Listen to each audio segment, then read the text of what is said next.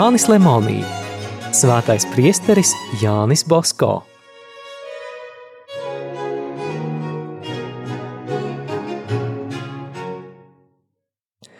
Otrā daļa – pirmie soļi apustulātā. Pirmā nodaļa – svētdienas oratorijas sākums no 1841. līdz 1844. gadam. Jānis Bosko jau bija priesteris. Beku Ganiņš kļuvis par dieva kalpu. Viņa dzīves laime, viņa priesterība tiks veltīta trūcīgajiem un novārtā atstātajiem jauniešiem. Bāreņi viņa aprūpēja novēlēti ar visvarenā gribu. Kādēļ Jānis Bosko nolēma veltīt savu dzīvi, lai rūpētos par jauniešiem?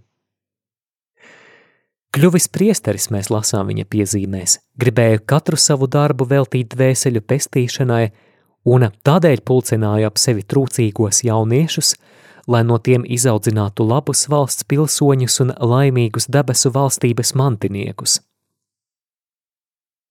Tādi augsti ideāli saņēma dieva svētību un piesaistīja labas gribas cilvēku sirdis.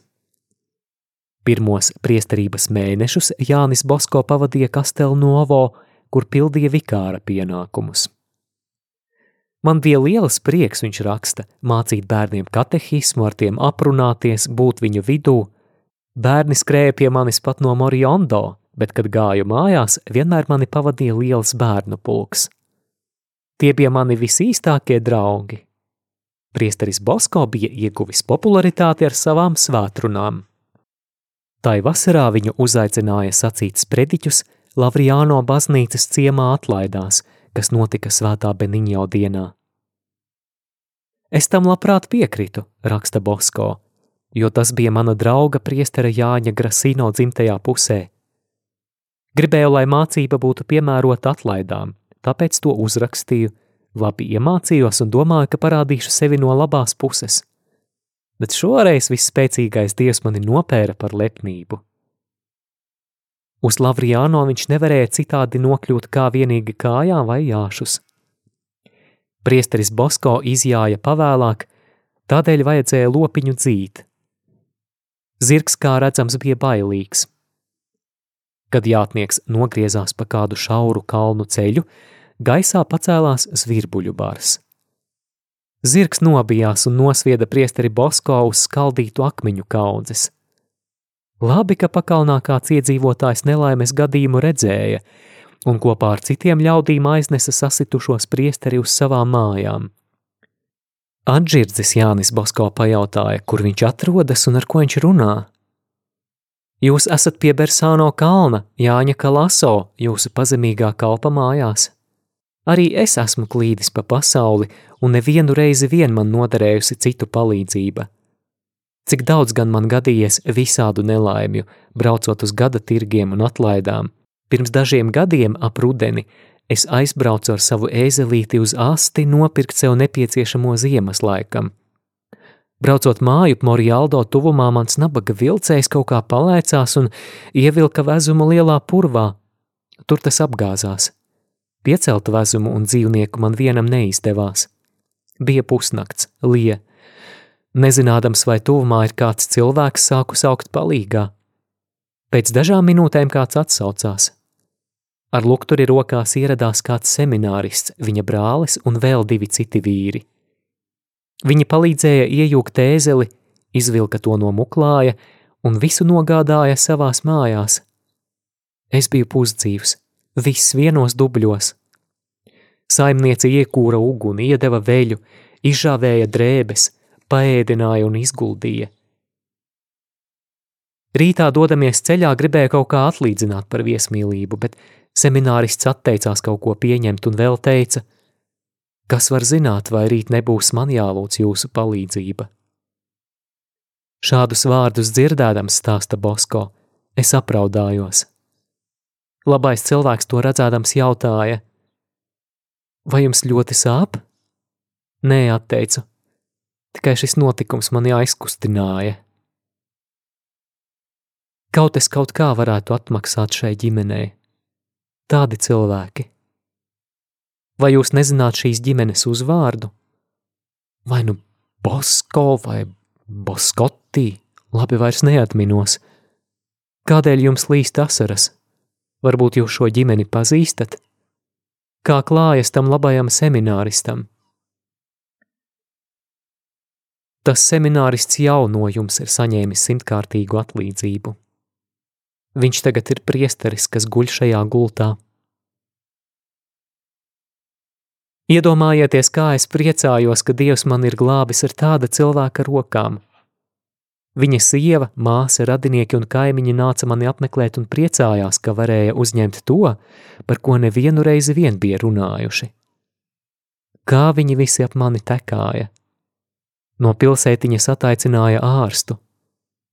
Tas konstatēja, ka mani kauli ir veseli. Tāpēc dažām dienām uz tā paša zirga varēju jāt mājās. Jānis Kalaso mani pavadīja līdz pašām mājām. No tās reizes mēs nekad viens otru neaizmirsām. Tā es tiku pamācīts, stāstu par šo notikumu beidz Bosko, un apņēmos nākotnē svētrunas sacīt dieva godam, bet nevis lai parādītu savas zināšanas un daļrunību.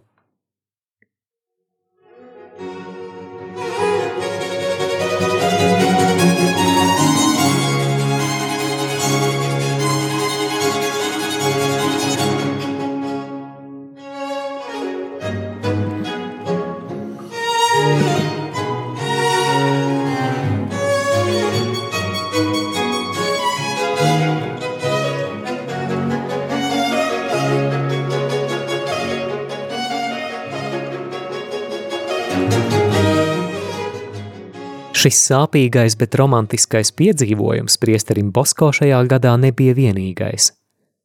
Oktobrī viņš kopā ar kādu labu cilvēku gāja uz Poncāno pilsētiņu apciemot savu bijušo skolotāju, priesteri Lakvu. Iedami vakarā viņi mežā apmaldījās. Bez tam vēl it kā tīšām sāka ducināt pērkons un līt lietus. Ko darīt? Viņi pastāvēja zem koku zariem, bet redzēdami, ka lietus nepārstāja, cēlās, lai iet uz to pusi, kur deguns rāda. Drusku pagājuši viņi ieraudzīja uguni. Viņi sāka soļot naskāk un pienākuši tuvāk, ieraudzīja dažus vīrus dedzinām ogles. Tikko pamanījuši svešiniekus nākam, ogļdeģi iebēga mājā un aizslēdza durvis. Ilgi ceļinieki klauvēja, bet neviens nerādījās. Beidzot durvis atvērās un kāds pavecāks vīrietis pajautāja, ko viņi vēloties un kur iedami. Redzēdami, kā abi nācēji nav ļaundari, viņš tos ielaida iekšā un paskaidroja, kāpēc nav atvēris durvis. Pirms dažām dienām te esot bijuši ļaundari un nogalinājuši kādu cilvēku. Policijai vēl nesot izdevies slepkavas atrast. Priesteris Bosko lūdza viņiem parādīt ceļu uz Poncāno. Ogļdeģi bija ļoti izbrīnījušies un teica, ka viņi esot noklīduši pavisam uz pretējo pusi. Vajadzēja pārnakšņot. Atnācēja lūdza, lai tiem aizdot kādas drēbes, ko pārģērbt, bet saimnieki atteica, ka esot ļoti trūcīgi un apņēmās vienīgi abus pavadīt līdz kāda mužnieka Mojolo pilī. Tas tad no abus viesmīlīgi uzņēma un deva naktsmājas. No rīta viņi ieradās Poncāno, kur abus sagaidīja vecais skolotājs, un krustmāte Mariona. Tā vēl ar vienu kalpoja šim priesterim. Rudenī priesterim Bosko piedāvāja trīs vietas. Kāds turīgs Dženovas rūpnieks viņu aicināja par savu bērnu audzinātāju. Viņam par darbu solīja tūkstošu liru. Citi skubināja priesteri Bosko šo ienesīgo vietu pieņemt, bet Margarita, atcerēdamās seno sakām vārdu, ne viss ir zelts, kas spīd, noteikti tam pretojās. Ko? Mans tēls bagātnieku namos? Nauda ir slepkava. Ko viņš darīs ar tām tūkstošu lirām, ja savu dvēseli pazaudēs? Kaimiņi gribēja, lai priesteris Jānis kļūtu par Morialdo prāvestu. Viņi solīja palielināt dāvanas un atlīdzību, lai tikai varētu par draudzes ganu dabūt priesteri, kurš viņu vārdiem runājot būtu visu sakārtojis un audzinājis viņus pavisam jaunā veidā. Kastel Novo dekāns gribēja Bosko sev par vikāru. Priesteris Bosko nevarēja izšķirties, kuru vietu pieņemt, tādēļ viņš lūdza gudru un pieredzējušu cilvēku padomu. Viņš devās uz Turīnu parunāt ar priesteri Kafaso. Tas noklausījies jaunā priestera stāstīto par visiem piedāvājumiem, viņa radinieku un draugu nodomiem, par viņa paša ilgām ziedoties īstiem apustulāta darbiem, tūlīt atbildēja. Jums padziļināti jāstudē morāla teoloģija un baznīcas retorika. Pāris gadus atsakieties no visām piesolītajām vietām un brauciet šurp uz akadēmiju. Baznīcas akadēmija, par kuru runāja priesteris Kafaso, bija dibināta Turīnā 1820. gadā ar kanoniķa Aloīza Gvalas gādību. Tā atradās blakus svētā Asīzes Franciska baznīcai. Šī akadēmija darīja neizsakāmi daudz laba ne tikai Turīnas arhidiecēzē, bet visai Piemontai. 1841. gadā par priestera Gvalas palīgu bija mums pazīstamais priesteris Jāzeps Kafaso. Viņš lasīja lekcijas morāla teoloģijā. Apveltīts ar izcilām zināšanām un likumisku dzīvi, viņš izaudzināja daudz mācītu un priekšzīmīgu priesteru. Akadēmijā strādāja vēl kāds izcils cilvēks - priesteris doktors Fēliks Golcio. Visi apbrīnoja viņa zināšanas un dziļo erudīciju, bet vēl vairāk neparasto pazemību. Tad nu šo priesteru vidū tika aicināts arī nākošais jaunatnes apustulis priesteris Bosko. Mājās atgriezies viņš atteicās no visiem izdevīgajiem piedāvājumiem un sāka gatavoties mācībām Turīnas akadēmijā.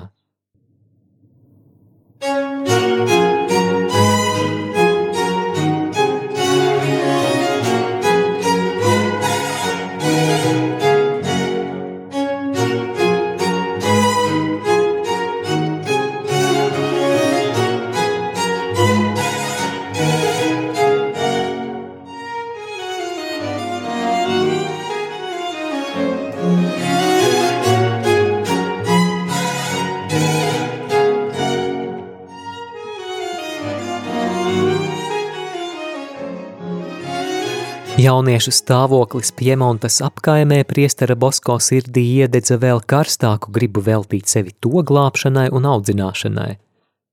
Iedams garām Turīnas tirgotavām un darbnīcām, viņš bieži saklausīja aizdomīgus skaļus smieklus, neķītras dziesmas, lāstus.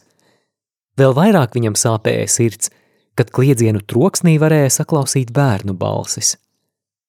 Uz katra ielas stūra viņš sastapa noplīsušu bērnu bariņus – Uz ielām tos palaida vecāki, dažreiz nolaidības dēļ, bet biežāk tādēļ, lai zagdami un ubagodami tie sev sadabūtu maizes kumosu un mājās neprasītu ēst. Vēl biežāk gadījās sastapt pusauģu barus, kas aizskāra garām gājējus un kuru izskats un acis jau liecināja par izvirtīgu dzīvesveidu. Svētdienās priesteris Gvala dažus jaunos priesterus sūtīja uz cietumiem – sevišķi uz jauniešu labošanas namiem. Uz turieni iedami viņi sabāza kabatās maizi, tabaku, arī dažus naudas gabalus, ar ko iepriecināt nelaimīgos šo namu iemītniekus, lai ielīksmotu viņu sirdis un apgaismotu viņu kaislībās aptumšotos prātus. Šo priesteru vadītājs bija pats priesteris Kafaso, akadēmijas vicerektors. Cietums, var sacīt, bija viņa darbības centrā – bet cietumnieki viņa dēli. Sagaidījis priesteri Bosko savu seno paziņu un kaimiņu, viņš to tūlīt aicināja palīgā. Kad pirmo reizi Jānis Bosko ieraudzīja cietumu, viņš tikko nezaudēja prātu no sirds sāpēm. Aiz dzelzs režģiem bija sadzīti veselīgi, stipri jaunieši vecumā no 12 līdz 18 gadiem, kas tur nīka bez darba, ciestami badu, postu un sirdsapziņas nemieru. Bet vēl vairāk man sāpēja sirds, raksta viņš pats, kad uzzināju, ka vairums no šiem jaunekļiem izcietuši sodu, no labošanas namiem izgājuši, cieši nolēmuši dzīvot tā, kā vajag, jau pēc dažām dienām atkal tur atgriezās. Kur gan lai šie nelaimīgie ietu? Neviens negribēja viņus pieņemt un par viņiem rūpēties. Kas zina, es domāju, vai šie puiši nelabotos, ja savu sodu izcietuši un pasaulē atgriezušies, atrastu labu cilvēku, kas par viņiem rūpētos, mācītu ticības patiesības, palīdzētu atrast darbu, lai būtu no kā dzīvot. Pasacīju šīs domas priesterim Kafaso. Viņš man pilnīgi piekrita. Nolēmu, ka vajadzētu šo savu nodomu īstenot. Lūdzu tam dieva palīdzību, jo zināju, ka bez tās visi cilvēku centieni izgaist vējā.